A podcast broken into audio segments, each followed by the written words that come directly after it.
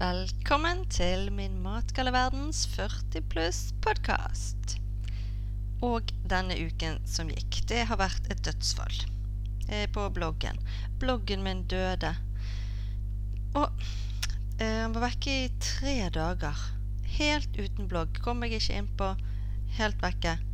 Og jeg fikk plutselig masse tid til overs. Her satt jeg om morgenen, jeg hadde egentlig ingenting å gjøre, for det er om morgenen jeg pleier å blogge. Og plutselig så hadde jeg masse tid. Men eh, jeg fikk skrevet to noveller da, som jeg prøvde å sende inn til et ukeblad. Jeg har ikke fått noe svar av de, og det skjønner jeg egentlig, for eh, jeg skrev sånne 40 pluss-historier.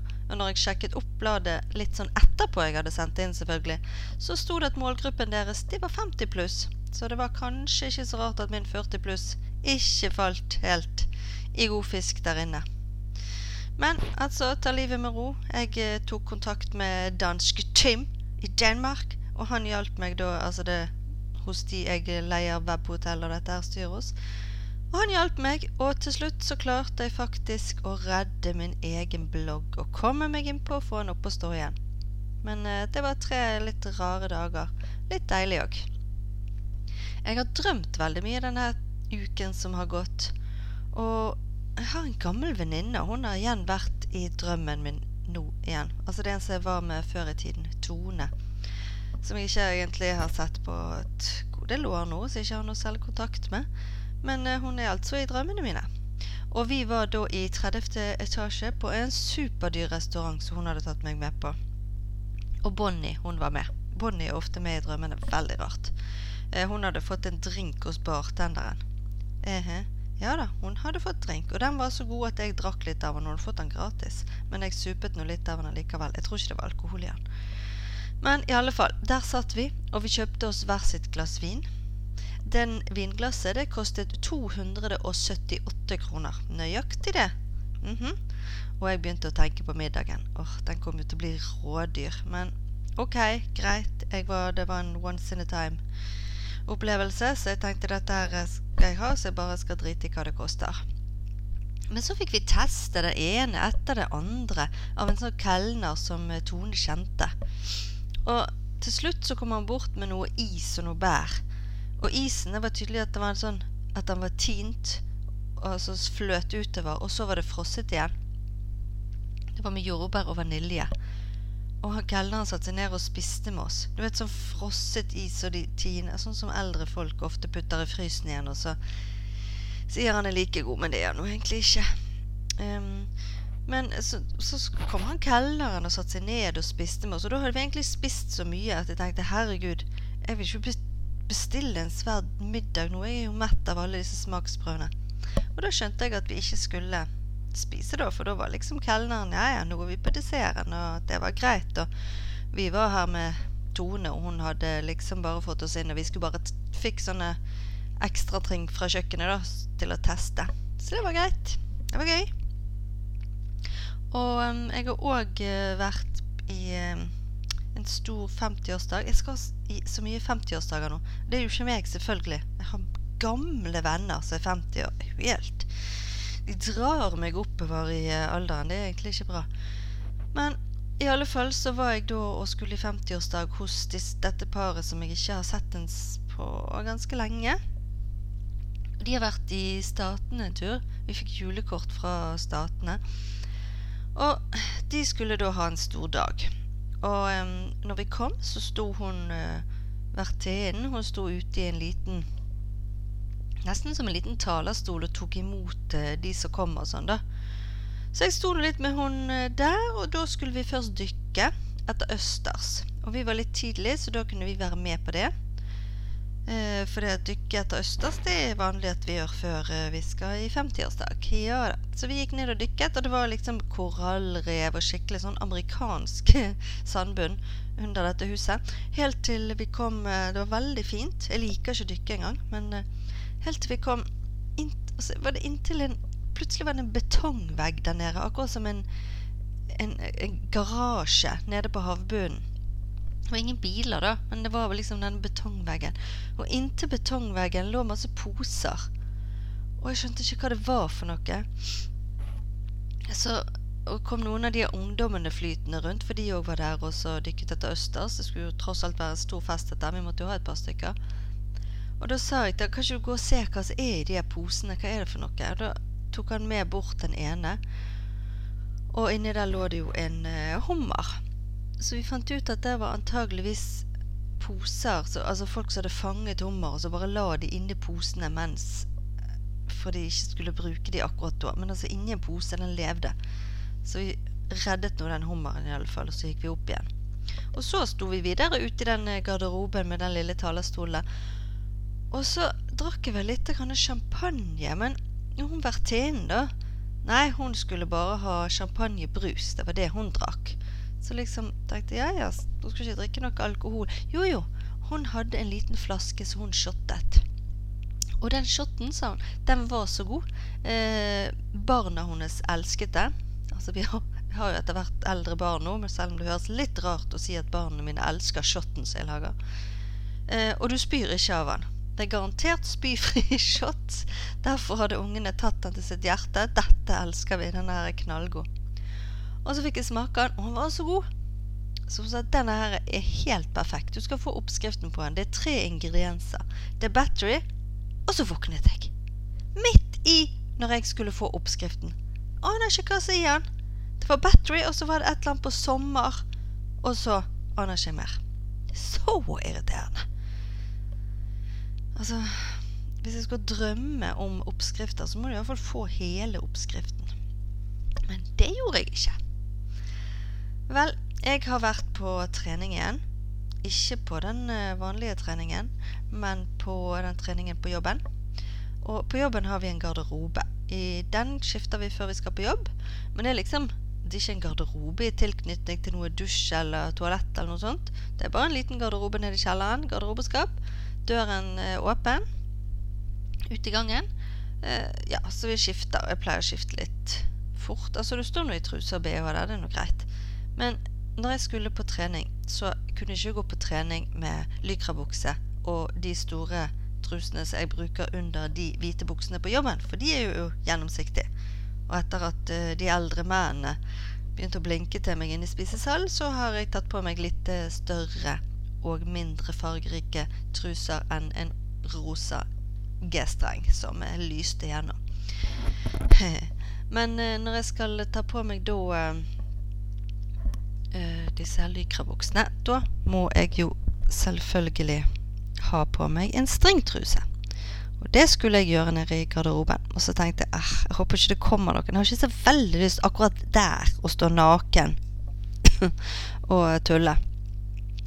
Så jeg skyndte meg litt, reiv av meg buksen, fikk på meg trusen og lykrabuksen, og så kom det en annen inn i garderoben, og det var greit. Da var jeg jo ferdig. Og jeg snakket med hun og skiftet ferdig og samlet sammen eh, jobbklærne, for jeg hadde vært på jobb den dagen. Og så skulle jeg til å gå og så kaste de opp i den posen som blir sendt ikke av gårde til vaskeriet. Nei, nei, nei, vi vasker det på jobben. Til de kollegaene mine da som skulle vaske dette her. Akkurat når jeg skulle løfte den, så ser jeg der ligger den hvite, brukte trusen inni buksen som jeg har hatt på meg på jobb.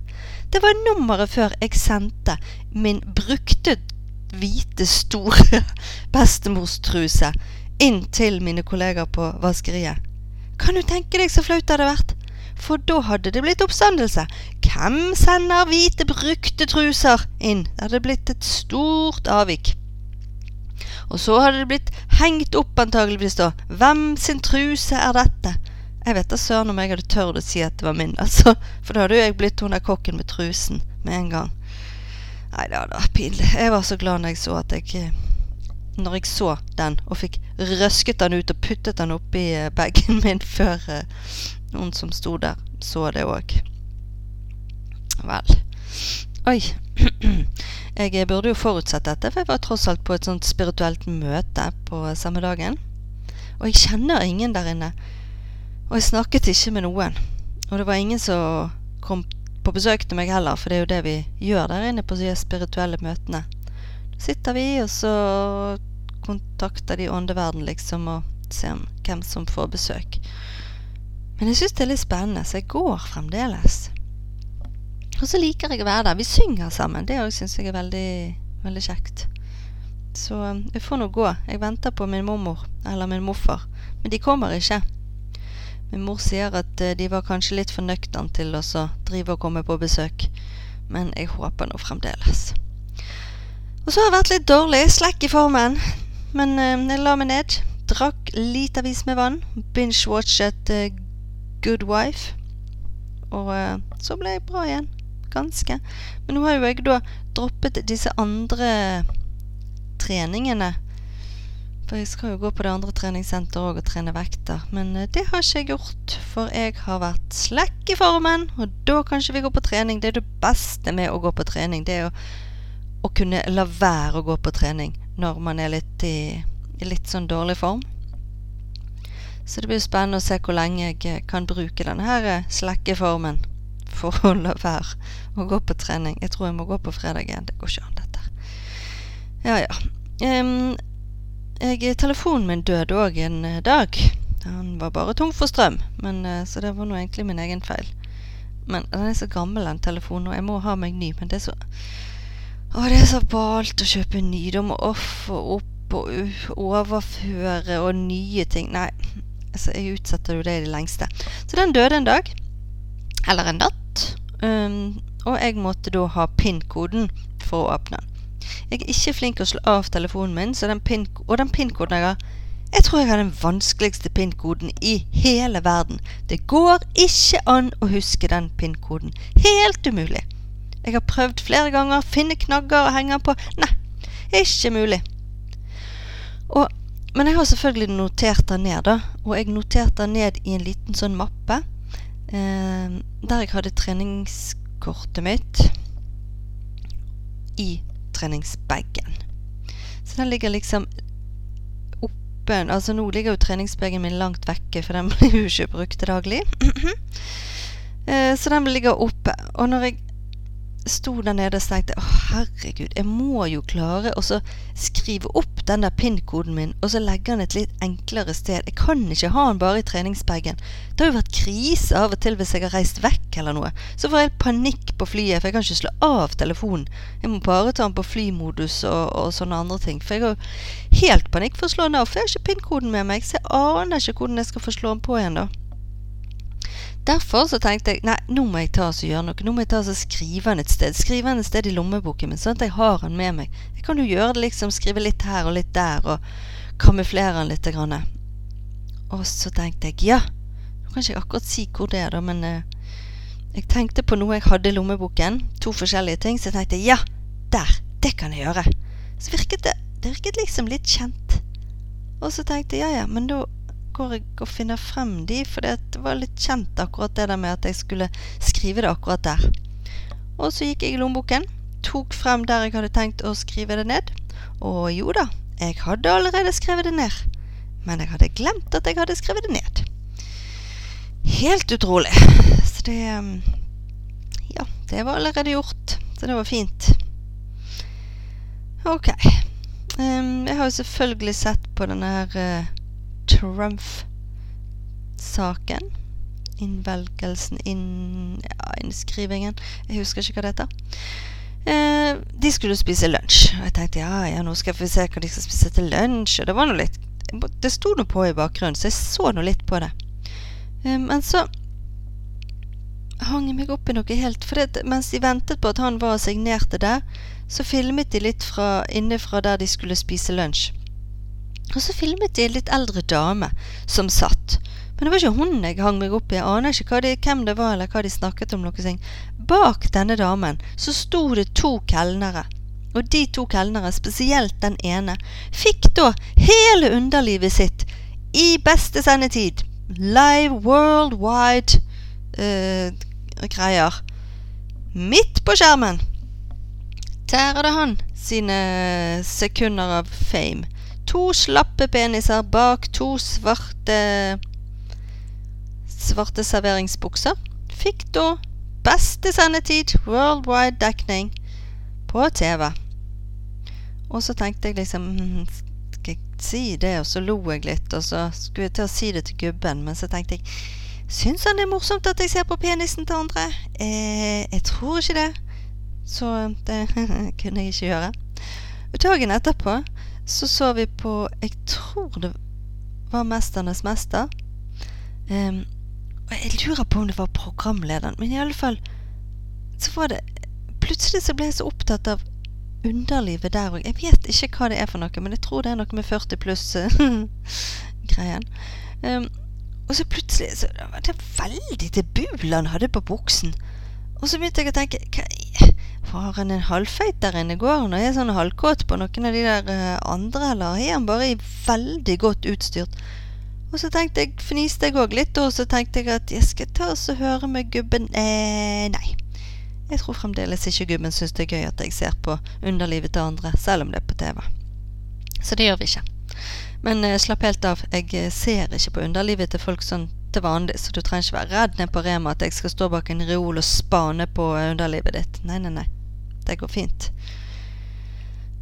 Ok, det er i alle fall uh, deilig å slippe å trene når man er litt slekk. Men uh, ukens historie handler da om traumatiske opplevelser i dusjen på treningssenteret.